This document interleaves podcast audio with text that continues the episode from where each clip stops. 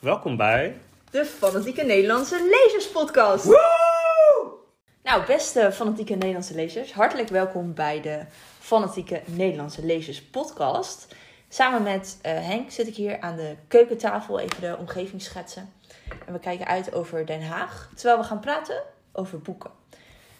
En we beginnen natuurlijk met wat we nu aan het lezen zijn. Currently reading. En omdat ik vandaag de meeste boeken lees, toch leuk dat ik even een wedstrijdje ben van Henk, ga ik beginnen. Ja, het zou een keer, het zou een keer. Ja, eindelijk. Ja, het eerste boek wat ik eh, op dit moment aan het lezen is... Ja, de vorige keer zei ik het al, dat ik de hele Bijbel probeer door te, lezen. En ik heb eh, Jeremia dus gelezen helemaal. En dat is een profetisch boek. Maar het gaat er zorg over dat het heel erg misgaat in de wereld. En hij gaat dan vertellen hoe het wel moet. Maar ik vond dat een heel zwaar en moeilijk boek om te lezen. Heel erg eh, een beetje een nare sfeer, zeg maar, in het boek. Heel veel oordeel en zo. Eh, dus ik ben een boek gaan lezen over het boek. Dus ik lees op dit moment het favoriete boek van Bono, van U2. Ja, ja. Run with the Horses door eh Eugene H. Peterson. En dat is eigenlijk een boek over de profeet Jeremia. En hij neemt zijn leven eigenlijk soort van als leidraad voor hoe je zelf een meer inspirerend leven kan leiden. Terwijl je strijdt voor rechtvaardigheid en dat soort dingen. Klinkt nu heel idealistisch. Het is ook best idealistisch. Dus het is een soort zelfhulpboek over Jeremia. Ja, nou, dat is dus het eerste boek wat ik aan het lezen ben. Oké, dus deze gaat bij de zelfhulp eh, opdracht terugkomen. Nou, ik denk bij de re- religion. Ik kan niet zo goed Engels praten vandaag. Maar dat, dat denk ik dat het gaat worden. Want ehm, ik weet al een ander voor zelfhulp. Ik zit dus echt, doe jij dat ook? Ik zit dus elke keer als ik een boek lees, of heb jij alles al uitgepland? Ik dus niet. Ik heb wel alles uitgepland, maar Oh ja. meestal loopt het toch anders dan je denkt. Ja, dat is ook zo. Ja, ik heb het dus helemaal niet uitgepland. Dus ik laat elke keer gewoon gebeuren. Dus elke keer als ik een nieuw boek ga lezen, dan zit ik elke keer alle categorietjes af te gaan. Van oké, die kan daar, die kan die, daar, die kan daar. Oh nee, maar dan moet die daar, dan moet die. Vind ik wel leuk trouwens. Lekker een beetje puzzelen of zo. Ja, nee, heel goed, heel goed. Eh, ik ben momenteel Greenwood aan het lezen van eh, Michael Christie. Dat is eh, een boek wat ik voor de kleurenopdracht ga gebruiken. Maar het is ook een boek met een groene cover, zoals je je kan Ja, voorstellen. kan je ook nog voor Daar gebruiken. kan die ook voor gebruikt worden in de FNL Challenge. Ehm, en we lezen dat samen met een groep mensen op WhatsApp van de groep. Ehm, dus dat is ook heel leuk. Ehm, heeft ook een beetje de structuur van eh, Cloud Atlas. Dus het eh, begint eigenlijk in de toekomst en het werkt dan naar het verleden toe en dan gaat het weer naar de toekomst toe. Dus nou, Oh. dat klinkt wel bekend hè? Toch wel weer leuk even voor de Cloud Atlas en David Mitchell bingo. Ja. Dat jij weer gelukt is om erin te werken. Ja. En eh, ja, nu zijn we dus bij ehm, eh, 1974 volgens mij. Ehm, dus we zijn nog niet heel ver naar het verleden toe. Want hoe ver gaat het terug? Eh 1908 Oké. volgens mij. Ja. Dus je hebt ook, het is wel een leuke gimmick. Je hebt dan in de voorkant van het boek is een soort door, dwarsdoorsnede van een, ehm, ja, van een boom. En eh, dan heb je dus zo'n eh, kaartje van 1908 en dan eh 19 weet ik veel wat, 34 en 47 en dan eh, 2008 en 2038. Dus dan zie je een beetje hoe het boek ook door de tijd heen gaat. Grappig. Ehm, en dat is dan ook de inspiratie van nou ja, die bomen vormen daar een belangrijk onderdeel van. En ja, ook in het kader van de Wildernis podcast die we nu natuurlijk hebben, ehm, gaat het over van nou ja, een eiland waar nog de laatste bomen zijn in de toekomst. Omdat er een soort dust bowl is en er zijn geen bomen meer, dus er is geen eh, wildernis meer. Ehm, dus ja, wel een boeiend boek. Ik ben benieuwd hoe dat verder gaat. Ik kan dus ook gebruiken voor de toekomst, eh, Ja, ook, ook. toekomstopdracht, zeg maar. Die heb ik al, maar eh, klopt. Ja. Nou, mijn volgende boek speelt zich ook af in de toekomst, denk ik eigenlijk. En dat is een eh, buddy read, waaraan ik maandag zou moeten beginnen. Maar waarin ik dus nu stiekem al ben begonnen. Sorry, Robin. nee, valt wel mee. Maandag zouden we de eerste 50 pagina's lezen. En het is Warcross, volgens mij van Marie Lou. Volgens mij is het een aardig eh, bekende young adult serie. Het gaat over een eh, heel groot ja, internationaal toernooi in een eh, online spel. En het gaat dan over iemand die heel erg aan de grond zit, maar dan door wonderbaarlijke wijze aan dat toernooi natuurlijk ineens eh, gaat meedoen. Of in ieder geval daarbij betrokken raakt. Mhm. En eh, het leest tot nu toe eh, heel vlot. Dus Lijkt een beetje op Ready Player One qua thema. Of heb je die nooit gelezen? nee, die heb ik eigenlijk niet gelezen. Maar ik heb daar wel eens het plot een beetje, of hoe zeg je dat? De achterflap van gelezen. En volgens mij klopt dat wel, ja. Dat het daar een beetje op lijkt. Ik vind dat niet zo echt wel heel leuk geschreven. Ook niet zo moeilijk of zo. En ik vind Engels, ik lees het Engels. En ik vind Engels ook heel makkelijk lezen. Dat is ook wel fijn. Zeker. Dus eh, gewoon wel leuk. En wat is jouw volgende? Ja, ehm, ik lees ook nog eh, Jeff van der Meer. Eh, dat is een heel Nederlandse naam, maar is een Amerikaanse schrijver. Dat is eigenlijk Jeff Van der Meer. Fendi Mia. Van der Meer. Ehm, en het boek heet Hummingbird Salamander. Dus ehm, ja, het gaat over een kolibrie en een salamander. Dus je kan voorstellen. Ehm, het gaat een Henk beetje... laat het boek zien voor de luisteraars. Ja. Ik zie een boek met aan de voorkant een kolibrie. Aan de achterkant staat een salamander. Nou, Ja, Hummingbird Salamander. En ehm, ja, het speelt zich ook een beetje in de toekomst af. Het gaat dan eigenlijk over een eh, security consultant. En eh, ze krijgt een envelop bij eh, haar koffie. En nou, daarna ontrafelt haar leven een beetje. Omdat ze dan in een soort ecoterrorist plot wordt getrokken. wat staat er in die envelop? Ah, Dat begon echt heel random. nou, ik, ik weet het niet. In een envelop zat gewoon een sleutel en een briefje. Oh, oké. En eh, toen, ja, daarna ging, gebeurt er eh, gewoon van alles. daarna gebeurt er een heleboel. Dus eh, Ja. nee, het leest heel vlot. En ehm, ja, het, het, het maakt dus wel heel nieuwsgierig om door te lezen. Het zijn ook allemaal heel korte hoofdstukjes. Ik ben wel heel benieuwd hoe het afloopt. Ehm, ik denk ook later dat we nog bij Boek over de Wildernis over een ander boek van hem eh, te spreken komen. Maar ehm, wat ik een beetje lastig vind bij zijn schrijfwijze is van het trek je heel erg erin. Net zoals bij eigenlijk Stephen King. Alleen Ja, soms is het einde niet helemaal, nou ja, even goed als het concept of zo. oh ja. Ehm, dus ik ben heel benieuwd of het eh, nou ja, nu wel eh, bevredigend afloopt of niet. De reviews zijn ook een beetje gemixt. Je ziet één ster, je ziet vijf sterren. Dus eh, ik ben wel eh, benieuwd. En hoeveel bladzijden moet je nog? Nog 130, denk ik, van de Oké. 350. Dus Hij is eigenlijk minder dik dan ik van tevoren had verwacht. Ik weet niet waarom. Ik verwacht een heel dik boek. Nee, nee, Nee, dat valt wel. Het is een gemiddeld boek. Ja. Oké. En jouw laatste natuurboek? Ja, dat is ook dus inderdaad een natuurboek. Eh, ik ben eh, het Zoutpad in het Nederlands volgens mij aan het lezen, maar ik ben hem weer in het Engels aan het lezen. Ik lees dus momenteel echt eventjes ineens alles in het Engels. En ik had best wel lang niks in het Engels gelezen. Dus eh, daar moest ik aan het begin eventjes eh, wel aan wennen. Ik moet er ook altijd een beetje inkomen of zo in Engels. En als je op een gegeven moment dan erin zit, dan gaat het, wel, gaat het gewoon lekker door. Ehm, het gaat dus over twee mensen die eigenlijk in een week tijd alles kwijtraken wat ze hebben. Echt letterlijk alles. Ze, ze raken door een rechtszaak eigenlijk eh, hun huis kwijt en ook gewoon al hun vermogen. Eh, ze hebben ergens in geïnvesteerd en dat is niet zo goed eh, handig geweest. En die, eh, de man, het is een echtpaar, man en een vrouw. En eh, die man die eh, hoort dat hij ongeneeslijk ziek is. En dus ze zijn eigenlijk dakloos in één week.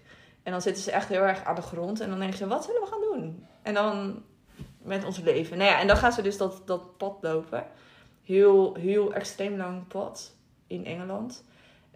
Is het waar iets gebeurt? ja, het is dus gewoon waar Oké. waar, waar gebeurt het verhaal. Dus de vrouw, zeg maar, Mhm. die dit heeft geschreven, Ray Norwin, is, is de vrouw van dit echtpaar. Oh. Ja. En hij, hij is eigenlijk ook heel ziek. En ze zijn ook al redelijk oud. En toch gaan ze dus dat hele keizware pad eh, lopen. En ik was aan het begin super enthousiast. Maar, En, en nu ben ik enthousiast. Dus, want ja, ze lopen het pad, zeg maar. Aan het begin was het gewoon echt heel interessant. Ik vind het nog steeds een heel leuk boek. Alleen ik ben gewoon, nu is het gewoon normaal interessant geworden. Want ze lopen natuurlijk gewoon de hele tijd. Dus het blijft ergens ook een beetje hetzelfde. mhm, En ik merk dat ik het misschien niet heel handig is dat ik het in het Engels heb gelezen. Want er zitten heel veel natuurbeschrijvingen in. En ik kan het best goed in het Engels lezen. Maar het verschilt bij mij heel erg per boek. En dit boek vind ik niet heel lekker lezen qua Engels. Dus ik moet me best wel heel goed concentreren. Terwijl sommige stukken valt ook weer weer mee. Maar ik ken dus de hele specifieke natuurwoorden in. En die Hmm. weet ik dan net niet. Dus ik denk dat ik het in het Nederlands net iets beter Had gezien, zeg maar. Denk ik.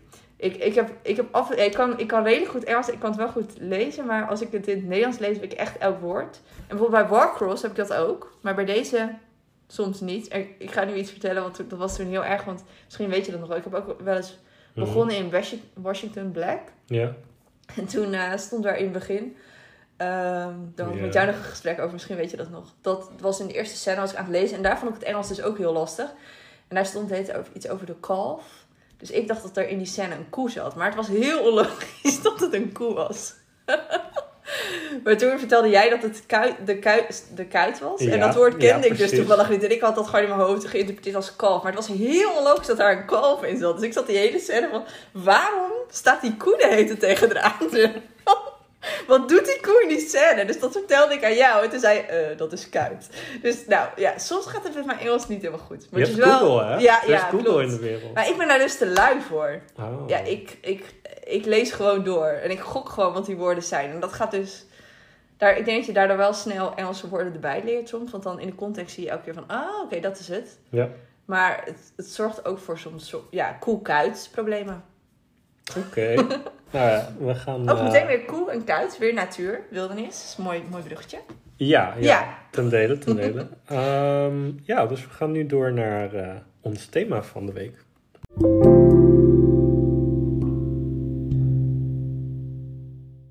Natuur of wildernis? Ja, we gaan nu verder met het thema, ook eh, het maandthema in onze groep. Dat is wildernis slash natuur. Het loopt een beetje in elkaar over.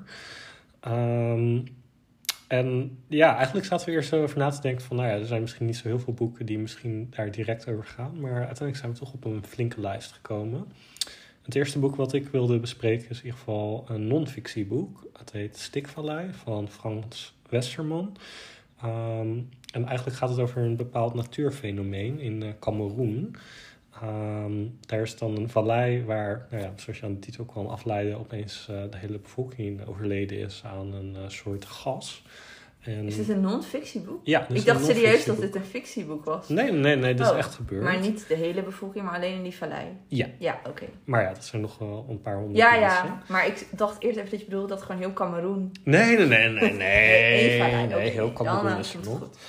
Ehm, ja, en eigenlijk gaat het boek dan over drie onderwerpen. Dus één van, nou ja, hoe kan dat gebeuren? En eh, nou, er zijn ook hele hysterische verhalen over van, nou ja, dat het een eh, Israëlisch experiment is met gifgas of zo. Nou, dat, dat, is- dat gaat dus eigenlijk een beetje over fake news, wat wel Mhm. interessant is. Want dit boek is echt ver voor Donald Trump en dergelijke geschreven eigenlijk. Ehm, maar een deel gaat dus eigenlijk over van, ja, wat zijn de wetenschappelijke verklaringen daarvoor? En ook hoe gaat het dan in de wetenschappelijke gemeenschap rondom twee theorieën over wat er gebeurd kan zijn? Uh, en dan Dus zie je het is dus eigenlijk nog niet helemaal zeker wat er gebeurd is. nou ja, er is wel een redelijk duidelijke lijn van wat het is. Alleen eh, je ziet dan wetenschappers. ehm, ja, wetenschap is natuurlijk iteratief en je hebt dan ook weer nieuwe ontdekkingen, nieuwe informatie. En dat zorgt er ook weer voor dat er, nou ja, soms past een theorie niet helemaal erop, maar het is wel redelijk duidelijk wat het is. Maar je ziet dan ook heel erg de ego's van wetenschappers. Ah, en ja. een deel van de wetenschappers is Frans. Nou ja, Cameroen was natuurlijk vroeger een kolonie van Frankrijk. Oh ja, dus allemaal... Dus dan krijg je daar Ja. weer eh, dat de Cameroense regering juist weer Amerikaanse wetenschappers uitnodigt. En nou, dan krijg je natuurlijk ook weer een battle tussen hen. Dus dat is best wel interessant. Naast, eh, naast gewoon puur het wetenschappelijk is dat ook wel interessant qua nou ja, de hele discussie. Ehm, dan heb je een stukje over eigenlijk zendelinnen daar in die vallei. En, ehm, nou ja, natuurreligie versus eh, westerse zendelinnen. Ehm, en daarna heb je een stukje eigenlijk over verhalen. Dus hoe nog steeds in de folklore eigenlijk van de streek eh, over die gebeurtenis wordt gepraat. En eh, hoe dat nog steeds dan eigenlijk voortleeft. Want het is al een tiental jaren, Oh, oké. het is al 20, 30 jaar geleden gebeurd. Ehm, dus het is echt een heel interessant boek. Ik heb het in twee dagen uitgelezen. Ik heb het van een vriendin toen gekregen toen wij eigenlijk bij lokale boekhandels bestelden voor elkaar. Ja, Ehm, Dat was leuk. Dus dit was een van de boeken die, eh, die ik toen heb gekregen van haar. ik word er wel echt super eh, nieuwsgierig van. Ook heel Ja. erg wat er gebeurd is. Maar ja, dat is natuurlijk een enorme spoiler om dat te vertellen. Ja, nee, dus dat is wel echt een eh, leuk boek. Dus ik kan het wel... Ja, nou ja, leuk boek is misschien niet een goede term voor iets. Maar interessant. het is zeker interessant. Interessant en fascinerend. De gevaren van de natuur. Ja, ik ben echt heel nieuwsgierig. Misschien kan je zo stiekem even... toch even vertellen wat er gebeurt. Nee, oké, ik zal hem lezen. Ik zal het niet doen, mensen. Nou, ik, eh, ik begin even met eh, een boek wat ik als kind echt fantastisch vond. Ik heb dit boek echt volgens mij iets van zes of zeven keer gelezen. Ik was er heel erg door gefascineerd. Ehm, ik heb hem later dus ook nog een keer gelezen als volwassene weer. En toen vond ik hem eigenlijk ja, iets Ja. minder goed. Mhm. Dus, maar ik vind het wel leuk om even te noemen, omdat ik er echt zo door gepast. En vond ik hem wel nog steeds leuk hoor, maar niet meer zo goed als dat ik hem als kind vond. Mhm. Een beetje dat je soms dan in een huis terugkomt waar je als kind bent geweest. En als kind vond je het dan heel groot. Ja. En dan kom je als volwassene en denk je, oh, was dit het? Dat een beetje. Maar eh, het gaat er over een jongen en die gaat Wat is de titel Eh, van het boek? Eh, neergestort, sorry, van Gary Paulson. En het gaat er over een jongen die... zijn ouders zijn gescheiden. Ik, en eh, hij, hij gaat met een vliegtuigje in, van zijn vader naar zijn moeder, of van zijn moeder naar zijn vader. In ieder geval iets in die richting. En het is, volgens mij speelt zich af in Canada, ja. En eh, dan boven, ja, een heel groot wildernisgedeelte, zeg maar, krijgt de piloot een eh, hartaanval. En hij zit in zijn eentje in dat vliegtuig. Hij is 13 of zo. En hij moet dan dat vliegtuig. Hij krijgt op een van ja, hij moet dat vliegtuig proberen aan de grond te krijgen. En hij stort dan neer in de wildernis en niemand weet dat hij daar is. Dus hij moet dan echt een paar weken lang daar ja, overleven. En ik vond dat echt heel spannend. Ik, ik wilde als kind, leek het me ook heel spannend als je in de wildernis terecht kwam. En dan zelf eh, je eten bij elkaar moest zien te krijgen. En dat leek me, ik weet niet, dat vond ik gewoon heel fascinerend. Mhm. Dus dat vond ik echt een heel spannend boek. Dus die vond ik wel leuk om te noemen. En ik had nog een kinderboek eh, gelezen die ik recent, meer recent heb gelezen. En die ik ook wel heel goed vond. En dat zijn de kinderboeken van Edward van de Vendel. Dat is Mm. voor wat jongere kinderen. Ja. Voor denk ik ongeveer vanaf zeven jaar. Ehm, en dat zijn de boeken van Sophie. En dat is een serie. En daar werkt hij samen met, eh, eh, volgens mij, Floor de Goed heet hij. Volgens mij is zijn artiestennaam Flo. En ehm, Van die illustraties. ja, is van die illustraties. En dan, hij doet dan elke keer, eh, het is elke keer bijvoorbeeld Sophie en het ijsbeertje of Sophie en het paard. En elke keer speelt er één verhaal van Sophie. En eh, daar worden gewoon allemaal, eh, ja, wordt, het is gewoon een verhaal. En, heel vaak heeft hij daar ook wel best wel ja, psychologische lagen in verwerkt voor een kinderboek. Mhm. Eh, het gaat bijvoorbeeld over de oma die ziek wordt als het over dolfijnen gaat. Of het gaat over een kind dat anders is dan andere kinderen. En tegelijkertijd zitten er ook allemaal weetjes in verwerkt van dieren. En er zitten ook allemaal grappige strips in verwerkt. En, dus er zitten eigenlijk heel veel soorten media in één boek. En ik denk dat het voor kinderen echt, echt hele leuke boeken zijn. En ik vind ze dus als volwassene ook nog heel grappig om te lezen. Maar het is wel echt een kinderboek. Maar als je kinderen in die leeftijd eh, kent of eh, je zoekt daar een cadeautje voor, dan zou ik deze serie zeker aanraden. Echt heel leuk. Oké. En ze leerden heel veel bij over de natuur. Dus allemaal van die grappige feitjes en verhalen. En daarbij een heel goed verhaal. Oké, oké. Ja, ik heb dus een eh, educatief boek om een beetje aan te sluiten op wat je net zei over het kinderboek. Ehm, en dat heet The Sixth Extinction van Elizabeth Colbert. Zij is journalist van The New Yorker volgens mij. En zij onderzoekt eigenlijk ehm, het zesde uitsterven wat momenteel aan de gang is. Ehm, nou ja, in de geschiedenis van de aarde zijn er verschillende grote uitsterfmomenten geweest. Ik denk het meest eh, tot de verbeelding sprekende is die van de meteorietinslag met de dinosauriërs. Uh, daar zou je vast wel van gehoord hebben. Ja, die ken ik inderdaad. Ik zit al te zoeken wat de volgende Ja. cijfers zijn. Maar, Nee, ja, en de volgende die is eigenlijk nu bezig. Dus uh, door maar klimaatverandering. het is de zesde, toch? Ja, dit is de ja, zesde. dus er maar zitten er nog vijf. ja, de aarde is ook een keer sneeuwbal geweest. Dus Oh, oh eh, ja, ja, tuurlijk. Maar eh, Ja. daar gaat ze eigenlijk kort op in. Maar ze gaat nu dus eigenlijk in over de huidige situatie. En ehm, ze onderzoekt bijvoorbeeld ehm, ja, natuurgebieden in eh, de Amazone.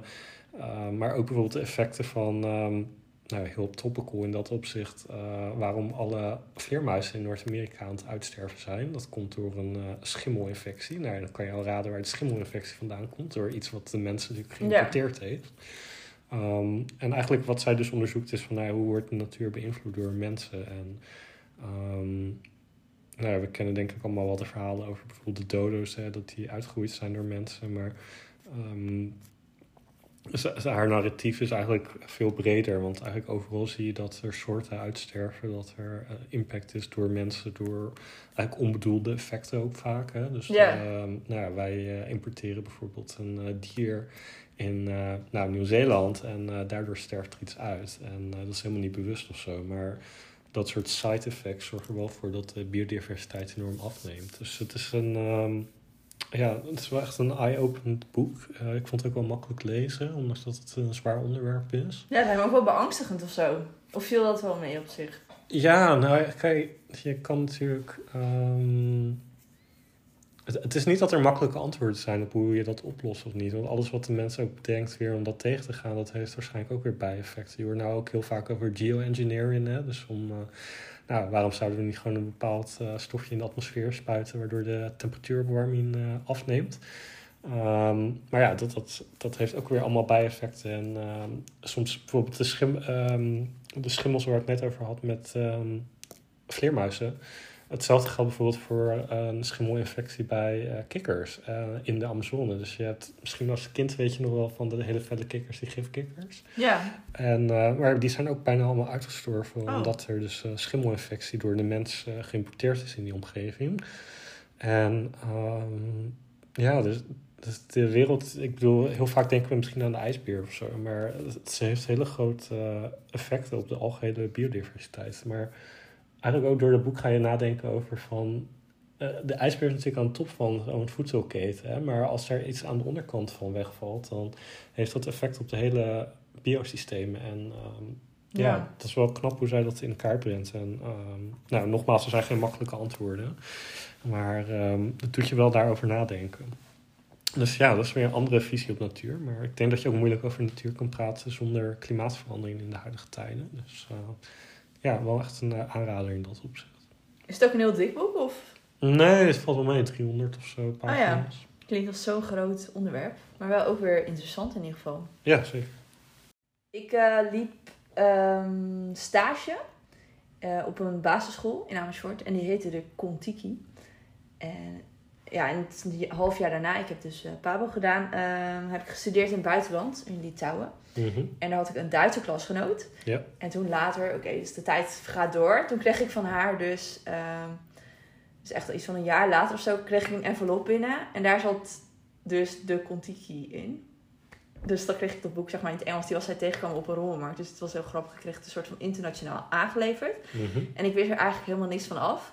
Maar ik ging gewoon eh, lezen. En ik vond dat dus echt een super fascinerend boek. Mhm. Ehm, het gaat over. Ik moet even zijn naam opzoeken. Ja, Thor Heyerdahl heet hij. Het is Mhm. ook wel, denk ik, een bekend verhaal ergens. Maar ik ken het dus eigenlijk nog niet. Is het degene die dat vlot heeft gebouwd? Ja. Eh, ja, ja. En hij gaat dus op een vlot eh, dan helemaal de, ja, de, ja, de oceaan over. Om te bewijzen ja, hoe de migratiegolf zeg maar, is gegaan. En over zijn theorie zag ik later trouwens. Nou, daar valt ook heel veel over te zeggen dat er ook bepaalde dingen niet van kloppen.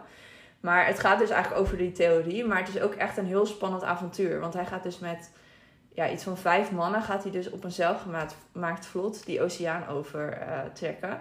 Dus ze zijn eigenlijk de hele tijd op de zee. En eh, ze leven ook heel dicht bij de natuur in.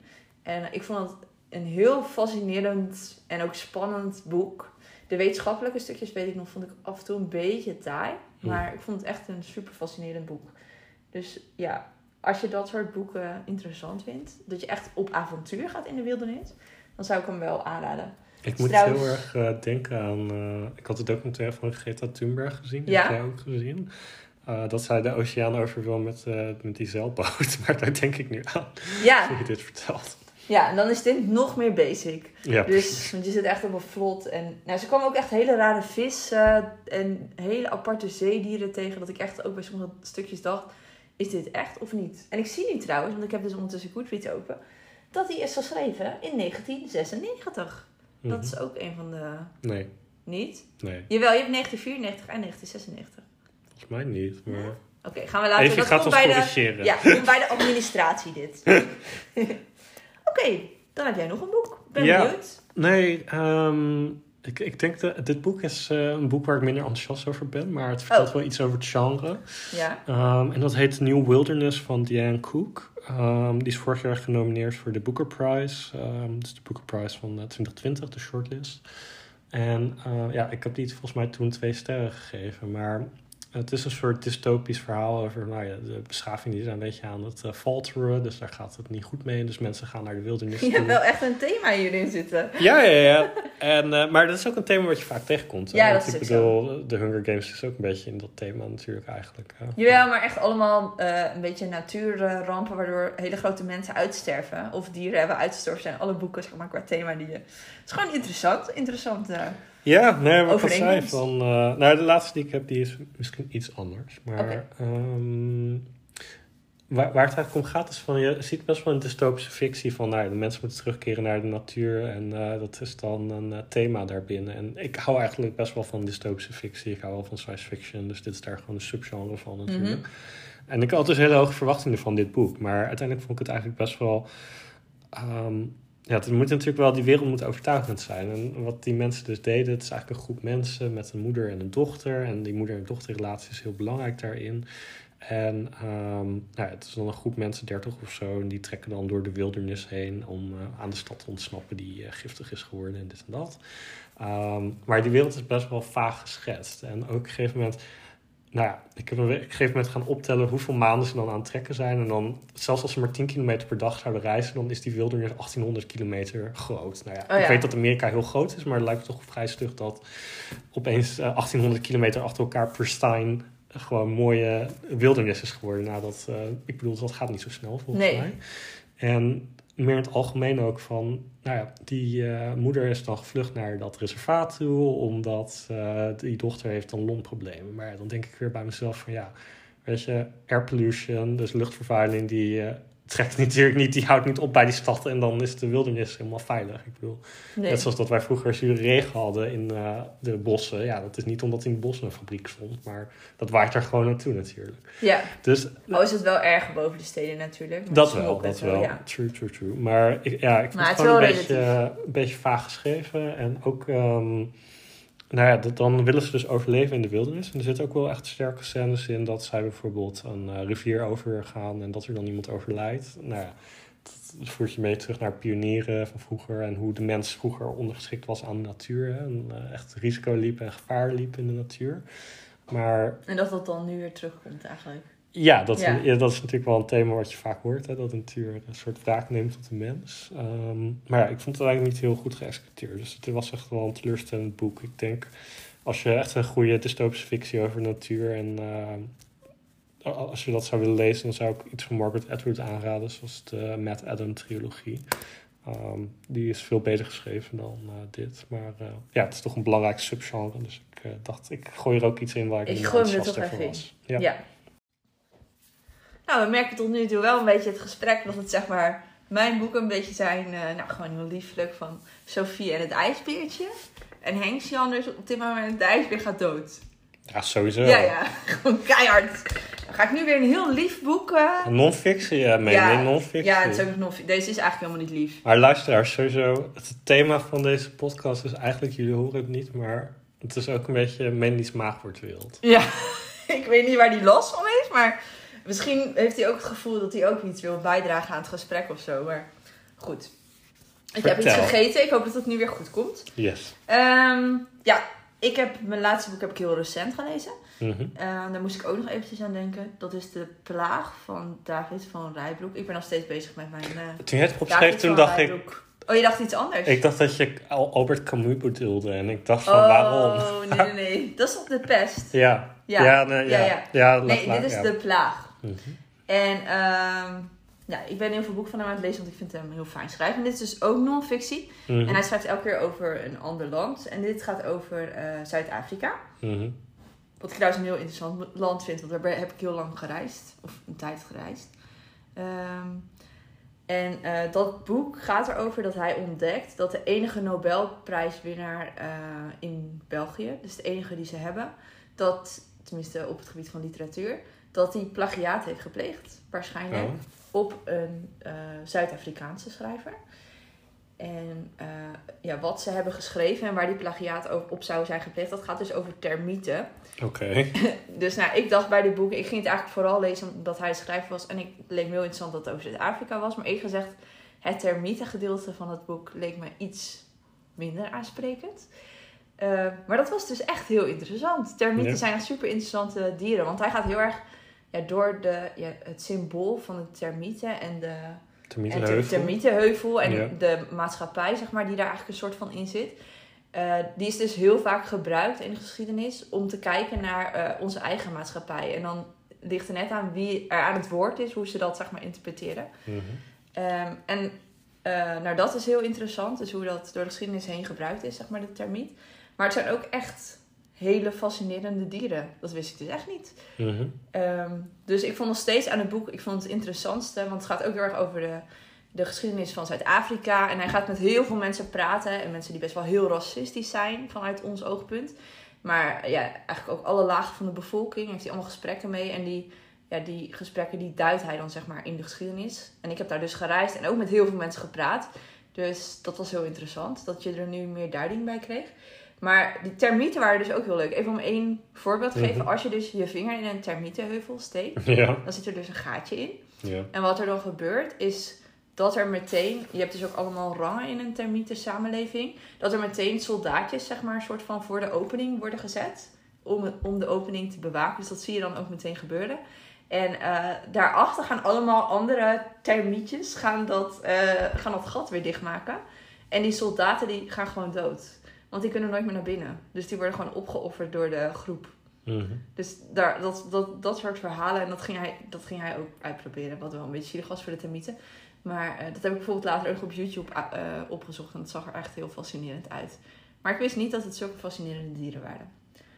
Dus eh, ja, dat was ook nog wel een, eh, mooie natuur, eh, natuur iets.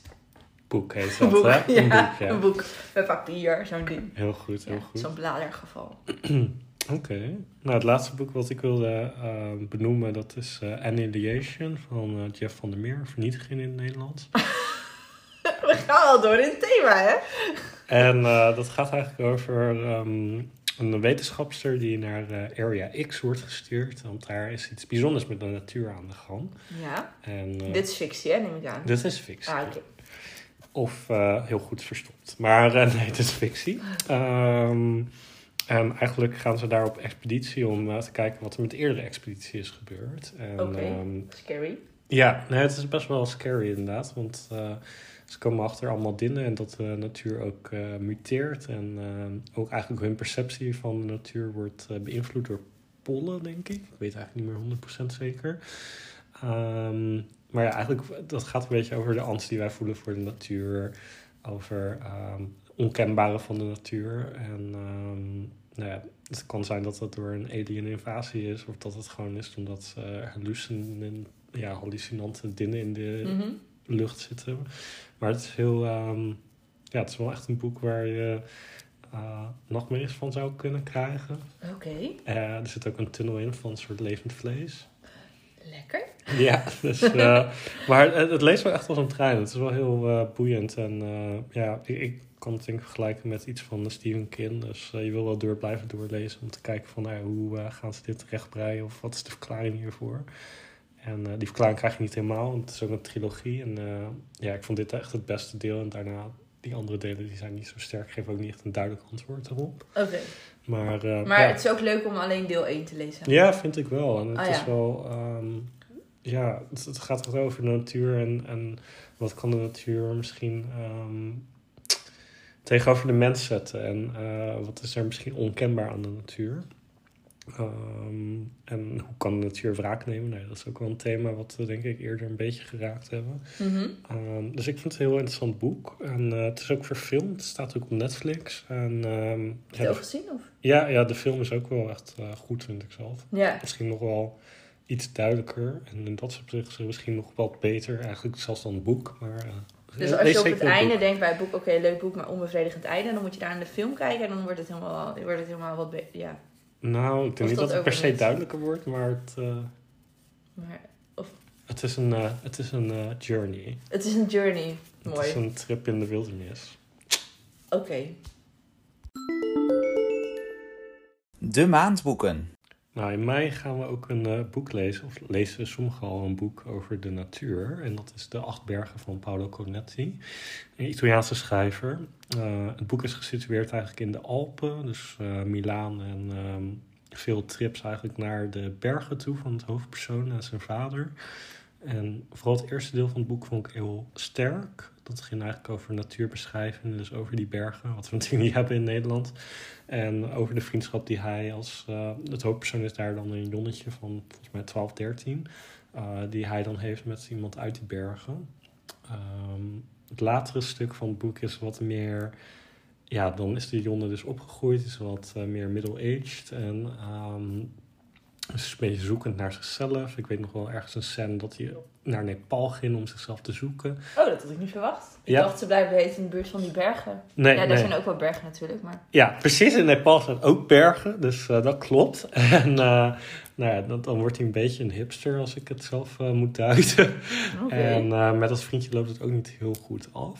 Ehm, dus ja, ik weet niet. Ik, ik heb het toen drie weer een sterren. boek met vernietiging? Nou, nee, dat valt wel mee. Oh, maar het is, heeft wel een melancholische ondertoon. Het Ja. is een beetje... En ook wat langzamer dan? Het is niet heel snel, nee, dat klopt. Oh, ja. Het heeft wel echt hele mooie eh, natuurbeschrijvingen. Dus eh, ga het lezen. Ik ben heel benieuwd wat mensen ervan vinden. Maar ehm, ja, voor mij was het drie sterren. Ik weet dat het een hele grote hype is geweest een aantal jaren terug. Volgens mij twee jaar terug was het echt een... eh, Ja, want ik kende het boek wel, vooral de voorkant. En ik heb Ja. de achterkant gelezen, weet je wel, zo op dat niveau. precies, ja. Ja, Dus eh, ja, dat is eigenlijk een maandboek voor mij. ja. het past wel echt supergoed bij het thema dus. Ja, nee, Ja. dat zeker. Melanie, wat gaan we nou lezen in juni? Nou, dat vond ik zelf wel verrassend. We gaan de Hunger Games lezen. Ik dacht eigenlijk dat de hele wereld dat boek al wel gelezen had. Maar blijkbaar toch niet. Misschien hebben veel mensen ook de films gewoon alleen gekeken. En sowieso is dat altijd natuurlijk zo dat ook heel veel mensen het nog niet hebben gelezen. Maar ik vermoed dat er ook veel mensen zijn die zin hebben om het te herlezen. Ja, als je het over een eh, bestseller hebt, dan is dit er wel. Ja, zeker. Ik vond dat zelf ook echt eh, hele leuke boeken. Toen ik ze las. Ik vond de films ook wel goed. Ehm, ik heb ze nog redelijk, redelijk kort geleden gelezen eigenlijk. En ja, ik heb er wel, eh, ik heb er wel zin in om, eh, om dat eh, met groep te gaan lezen. En te gaan kijken of ze gaan kiezen voor pizza of voor, weet die andere? Die andere Het is geen eerlijke wedstrijd op deze manier. Ja, Pizza ja. een kerel. Ja, ja. goed, jij weet het gewoon wel uit je hoofd. Tuurlijk weet ik Dat is wie... natuurlijk ook altijd een leuke discussie. Toch? Ik weet wel wie door Liam Hemsworth wordt gespeeld natuurlijk. Ehm, ik weet dus ook niet eens hoe hij heet. Maar ik weet wel hoe hij eruit ziet. Oké, Ja. einde. ja, Maar nee, dus, daar zijn, dat, dat, die gaan we lezen. Ja, de Ja. Hunger Games is natuurlijk wel echt een soort eh, basis voor... eh, nou, we hebben net het over dystopische fictie gehad. Maar ja, dit is dan dystopische JA. Ja. Nou, ja, ook bijvoorbeeld Warcross wat ik aan het lezen ben. Precies, ja. Ja, Dus eh, het is wel echt een soort klassieker in dat opzicht. ja en er zitten ook wel hele grote thema's in, vind ik. Die heel interessant zijn. Onderdrukking, Ja. Ja. geweld, a love triangle. Ja, ja weer. Ja, die zit er ook heel hard in, ja. ja. Nou ja, die gaan, we dus, die gaan we dus lezen. Lijkt me leuk. En misschien kunnen we ook wel iets doen in combinatie met de films. Dat mensen die ook gaan kijken of zo. Of, nou, kijken wel. We gaan het gewoon zien. Yes, heel goed.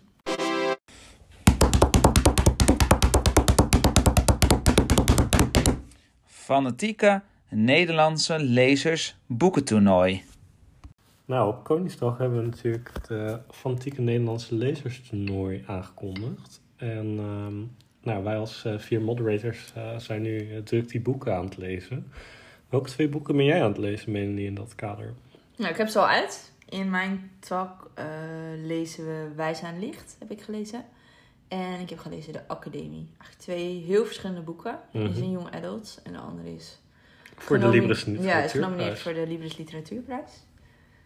En eh, ja, ik heb ze alle twee gelezen. Ze luisteren alle twee wel vlot. Maar ik weet niet zo goed... Gaan we nu al zeggen? Nee, we gaan nog niet zeggen op welke Nee, dat gaan we nog niet zeggen. Nee. Nee. Nee, dus ik ga nog niks van voorkeur laten blijken. Ik ben compleet neutraal, maar in mijn hoofd ben ik helemaal niet neutraal. Dan weet ik heel goed welke ik ga kiezen. Maar goed, dat Ja, zeggen we er verder niet bij. precies. precies. Dat heb jij ook waarschijnlijk. Ja, nee, dat klopt. Ja. Ik heb ehm, de vervlogen helft van eh Brit Benet gelezen. En ik heb Zomerburen van... Ik heb eh, die twee boeken gelezen. De ene gaat over eigenlijk een... ehm, ja, dat is een JA-boek over een verliefdheid in Drenthe. Dus dat is ehm, ehm, Zomerburen. En The Vanishing Half. ehm, ik heb deels in Engels, deels in Nederlands luisterboek gelezen. Ja, ik dacht dat het thema komt een beetje terug. Wat we ook al aan het begin zeiden van de invloed van Engels en de invloed van Nederland. Ja, Ja, die heb ik eh, pas uit en dat gaat eigenlijk meer over een soort familie, familiesaga over een ehm, tweeling die... Een, een van de twee die identificeert zich echt als zwart en die gaat ehm, nou ja, vanaf jaren zestig dan als zwarte vrouw door het leven. En de andere zus die kiest ervoor om als witte vrouw te leven. En dan ook hun eh, afstammelingen merken daar de effecten van. Dus ook wel hele andere boeken, maar ehm, maar heel even hoor. Ze kiezen ervoor, ja. maar is dat omdat ze dan een soort van eh, zelf een gemengde kleur hebben? Ja, ze zijn vrij licht. Dus, oh, oké. eh, Dus je kan zelf kiezen wat je... Oké, dan snap ik het. Blijkbaar, ja. Ja, wat je... Dus eh, ja, Amerika is natuurlijk meer een smeltkroes dan de Nederlandse samenleving Ja. misschien. Dus eh, Nee, maar dan snap ik het. Want ik dacht eerst, huh, hoe kan je daarvoor kiezen? Maar nu snap ik het. ja, dus eh, ook hele andere boeken. Dus ik ben heel benieuwd wat mensen daarvan vinden. Nou, Evie is natuurlijk een van mijn favoriete auteurs aan het lezen. David Mitchell met Utopia Gewoon Avenue. echt twee keer in één aflevering. Ja, zeker, zeker. en eh, ja, die neemt het op tegen Jaguar Man van Roel de Jon. Wat een eh, favoriet was van Melanie inderdaad. Ja, en die heb jij ook gelezen, toch? Dus Die jij gaat in die takken ook mee Dus daar kan ik ook mee stemmen, dus dat is wel fijn. En dan hebben we nog eh, Floor. Floor leest... Odilaru. ja, heel goed, heel goed. Maar er was iets mee. Het geheime leven van. Ja, volgens mij wel, inderdaad. Of, of het, het is niet het, ja, het mysterieuze leven van. Iets in die richting. En Lieve Edward. En volgens mij zijn voor over alle twee de boeken de meningen heel gemixt. Dus daar ben ik ook wel heel benieuwd welke kant dat allemaal opgaat. Ja. Ja. Maar goed, dat kun je op het forum al terugzien. Ja. Dat loopt al een tijdje. Maar er is nog een nieuwe toevoeging. En de Ja. nieuwe toevoeging is... Jullie hebben de afgelopen tijd kunnen stemmen op eh, jullie favoriete boeken die jullie uit 2020 hebben gelezen. Zeker? En daar zijn vier winnaars uitgekomen. Ja. En die gaan we hier exclusief bekendmaken in de podcast. En de eerste is Lise Spit met Ik ben er niet. Ja. Die in mijn spoor gaat meelezen met dus de winnaar van Of de Vervlogen Helft of Zomerburen. En welke ga jij lezen, Melanie? Eh, ik ga het boek lezen Zondagsleven van Judith Visser. En die gaat het dus opnemen tegen Wijs aan Licht of tegen de academie. En dat gaat over... Het is eigenlijk het tweede deel. Ehm, het eerste deel gaat over een vrouw, het is volgens mij aut- autobiografisch, Mhm. die opgroeit als kind met autisme en hoe, hoe moeilijk dat eigenlijk is in een maatschappij. Het speelt volgens mij in de jaren tachtig of zo. In ieder geval een stukje terug, dus die het nog niet echt eh, erkent of het herkent. En dan het tweede deel gaat over ehm, hoe zij het ervaart als ze, als ze ouder wordt in haar volwassen leven. Maar je kan het tweede deel gewoon helemaal loslezen, maar ik heb wel besloten om ze alle twee te gaan lezen. Dus ik heb, eh, ik heb hem al opgehaald in de bibliotheek. Dus jij kan even vooruit met Ja, Judith ja. Visser. Ja, ik ben benieuwd, want ik heb er al heel veel goede verhalen over gehoord. Dus eh, ik wil dat eigenlijk al wel lezen. Ik heb ook hele goede verhalen over Lise Spit, haar eh, tweede roman, inderdaad gehoord. Ehm, volgens mij Chris vorige keer, die was er ook heel positief over. In het Ja, klopt, de ja. Libris Longlist.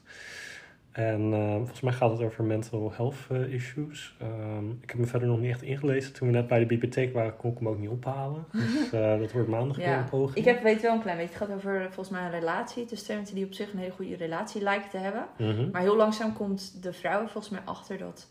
Of de man komt achter, ik weet niet, maar heel langzaam komen ze erachter dat, dat een van de twee niet helemaal is wie ze dacht dat die persoon was. En het gaat heel erg over eh, hoe goed eh, ken je elkaar nou echt. En je kan elkaar Mm. ook weer niet helemaal echt kennen en zo. En het is ook een aardig onheimisch boek. Dus dat je Ja. een beetje zo'n spanning zo voelt eronder. Ik ben ook heel benieuwd naar dat boek trouwens. Dus, eh, Ja, en dan hebben we ook nog de andere sporen. zeker. Dus Evie gaat Ja Gyasi lezen, Het Verheven Koninkrijk, Transcendent Kingdom. En het leuke daarin is dat dat een boek is waar we ook met een eh, groep mensen van het forum een eh buddy read in juni gaan hebben. Ehm, dus daar ben ik ook wel heel benieuwd naar. Ja, het sluit echt precies aan. En die Floor gaat lezen. Eh, Mijn duistere Vanessa gaat ze lezen. En dat is een boek eh, ja, wat een beetje in de hashtag MeToo problematiek zeg maar, speelt. Over een meisje wat een relatie heeft gehad als tiener met haar leraar. En hij wordt dan zeg maar, in dat hashtag MeToo eh, debat beschuldigd. En zij had eigenlijk een heel positief eh, gevoel over die la- relatie nog steeds. En ze gaat dan anders ineens in een heel ander licht bekijken. Dus het is best wel een psychologisch boek. Ja, in een heel actueel thema. Ik Ja. had eigenlijk nog nooit van dat boek gehoord trouwens, voordat... eh, Oh, het was best wel een groot Oh. hit volgens mij vorig jaar in ieder geval. Oh, ja, hij was me een beetje langs me heen gegaan. Maar ja, ook wel heel benieuwd naar. Het zijn wel echt, volgens mij, echt allemaal hele goede, goede boeken. Dus. Ja, Verheven Koninkrijk is ook... ehm, het grappige is dat Evie die al wel gelezen heeft. En zij was er heel positief over. Volgens mij was het ook haar nominatie. Ehm, dus dat is een sterke contender voor haar spoor. Eh, en dat gaat volgens mij over een eh, jonge vrouw die studeert in Amerika met een eh, migratieachtergrond. Dus nou dat is dan weer heel actueel in de hele discussie over natuurlijk racisme en ja, hoe mensen van kleur dat ervaren. Dus ik ben ook heel benieuwd hoe mensen dat eh, zullen vinden, dat boek. Ik dacht dat het ook heel erg ging over eh, mental he- health. En ook over dat haar moeder of zo mentale problemen krijgt of zo. Ja. Dus het klinkt allemaal vrij zwaar, maar eh, ik Ja. ben benieuwd wat we allemaal daarvan gaan vinden in juni. Dus dan Zeker. gaan we deze boeken lezen. Ik vind het wel echt super leuk dit toernooi, tot nu toe. Ik vind het echt ook heel spannend welke er gaat winnen en wat iedereen gaat vinden. En ja, ik vind het echt heel grappig. Ja, en er is ook nog iets leuks wat eh, ook natuurlijk met competitie te maken heeft. We hebben het heel veel gehad over natuur, maar ook over competitie met het toernooi. En ehm, er is nu een lijst. Eh, Eline heeft die lijst gemaakt. En dat is de Best of FNL lijst 2021. En daarop kan je al je vijf sterrenboeken toevoegen. Die je En- in dit jaar hebt ja, die je gelezen. dit jaar hebt gelezen. Want dat is wel leuk. Het werd ook al gezegd van... Het is wel grappig als het dan... Dat je echt ziet van... Oh, dat was dit jaar populair. Want dan willen we het volgend jaar natuurlijk gewoon nog een keertje doen. Ehm, en daar hebben al wel heel veel mensen aan meegedaan. En dan voeg je in die lijst eigenlijk al jouw vijf sterrenboeken van dit jaar toe. En dan... eh, daar, dat krijgt een bepaald aantal punten. Dat gebeurt eigenlijk een soort van automatisch. En dan krijg je ja, een, een top... Het is inmiddels al 100 Ja, het waren meer dan 37? 130, ja. echt super veel zijn er al toegevoegd. Van onze ja, groep. En eh, ik vond het wel leuk om even de top 3 te zeggen tot nu toe. Top 4, hè? Top 4 eigenlijk inderdaad. Ja, heel, heel belangrijk. Want er komt zo weer wat aan aan mensen. Eh, op nummer 1 staat eh, de jongen, de mol, de vos en het paard van ehm, Charlie... Ma- hoe zeg je dit nou weer? Charlie Mackesy? Ah, klinkt best lekker. Charlie Mackesy. En daar hebben al heel veel mensen op gestemd. Acht mensen. En daarna volgen er eigenlijk drie boeken waar drie mensen op hebben gestemd. Eh 11, 22, 63 van Stephen King. Dat is ook een boek wat we ja, In de dit, groep ja, hebben dit gelezen. al hebben gelezen in de groep.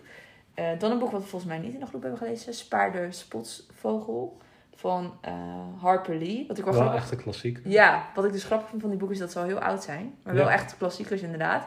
Wel grappig dat ze dan toch al zo hoog staan in een actuele lijst.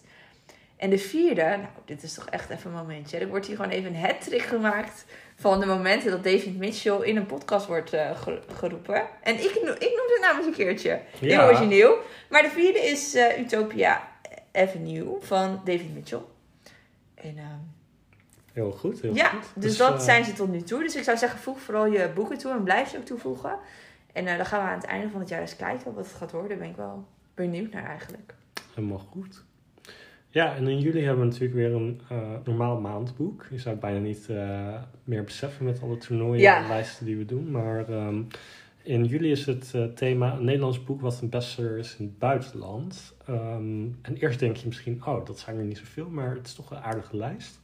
Dus iedereen kan zijn nominatie nog achterlaten tot in ieder geval eind van mei. En dan volgt er een stem in in juni. Ehm, dus ja, heel benieuwd wat dat wordt. En of het een eh, boek wordt wat misschien ook verfilmd is op Netflix. Dat zou best goed kunnen. Dus eh, ja, stem allemaal. En eh, dan misschien ook nog meteen het thema van de volgende podcast. Ja, laten we daarmee afsluiten. Ja. Als afsluiter. Zal ik even een tromgeroffel doen? Spannend! nou, in dat thema, spannend. Ehm, Mooi. de volgende podcast gaat over thrillers. En dan hebben we Floor als gast. Onze laatste moderator die ook in de podcast zeker moet verschijnen. Ja, En dan gaan we het dus hebben over thrillers en ook over de eh, winnaar van de Gouden Strop van dit jaar. ja, klopt. Dus spannende boeken. Dus ja, daar kunnen we misschien ook wel een topic over openen. Dat is wel leuk. Wat jullie favoriete Thrillers zijn. thrillers en spannende boeken. Ja. En of er misschien ook boeken zijn waar jullie zeg maar heel lang niet van hebben kunnen slapen s'nachts. Vind ik ook interessant. Ja. Dat is heel spannend. Dus dat gaan we, gaan we volgende maand doen. Oké, heel erg bedankt allemaal voor het luisteren. En tot snel weer. Ja, een hele fijne leesmaand toegewenst. En tot de volgende keer. Doei doei. Doei!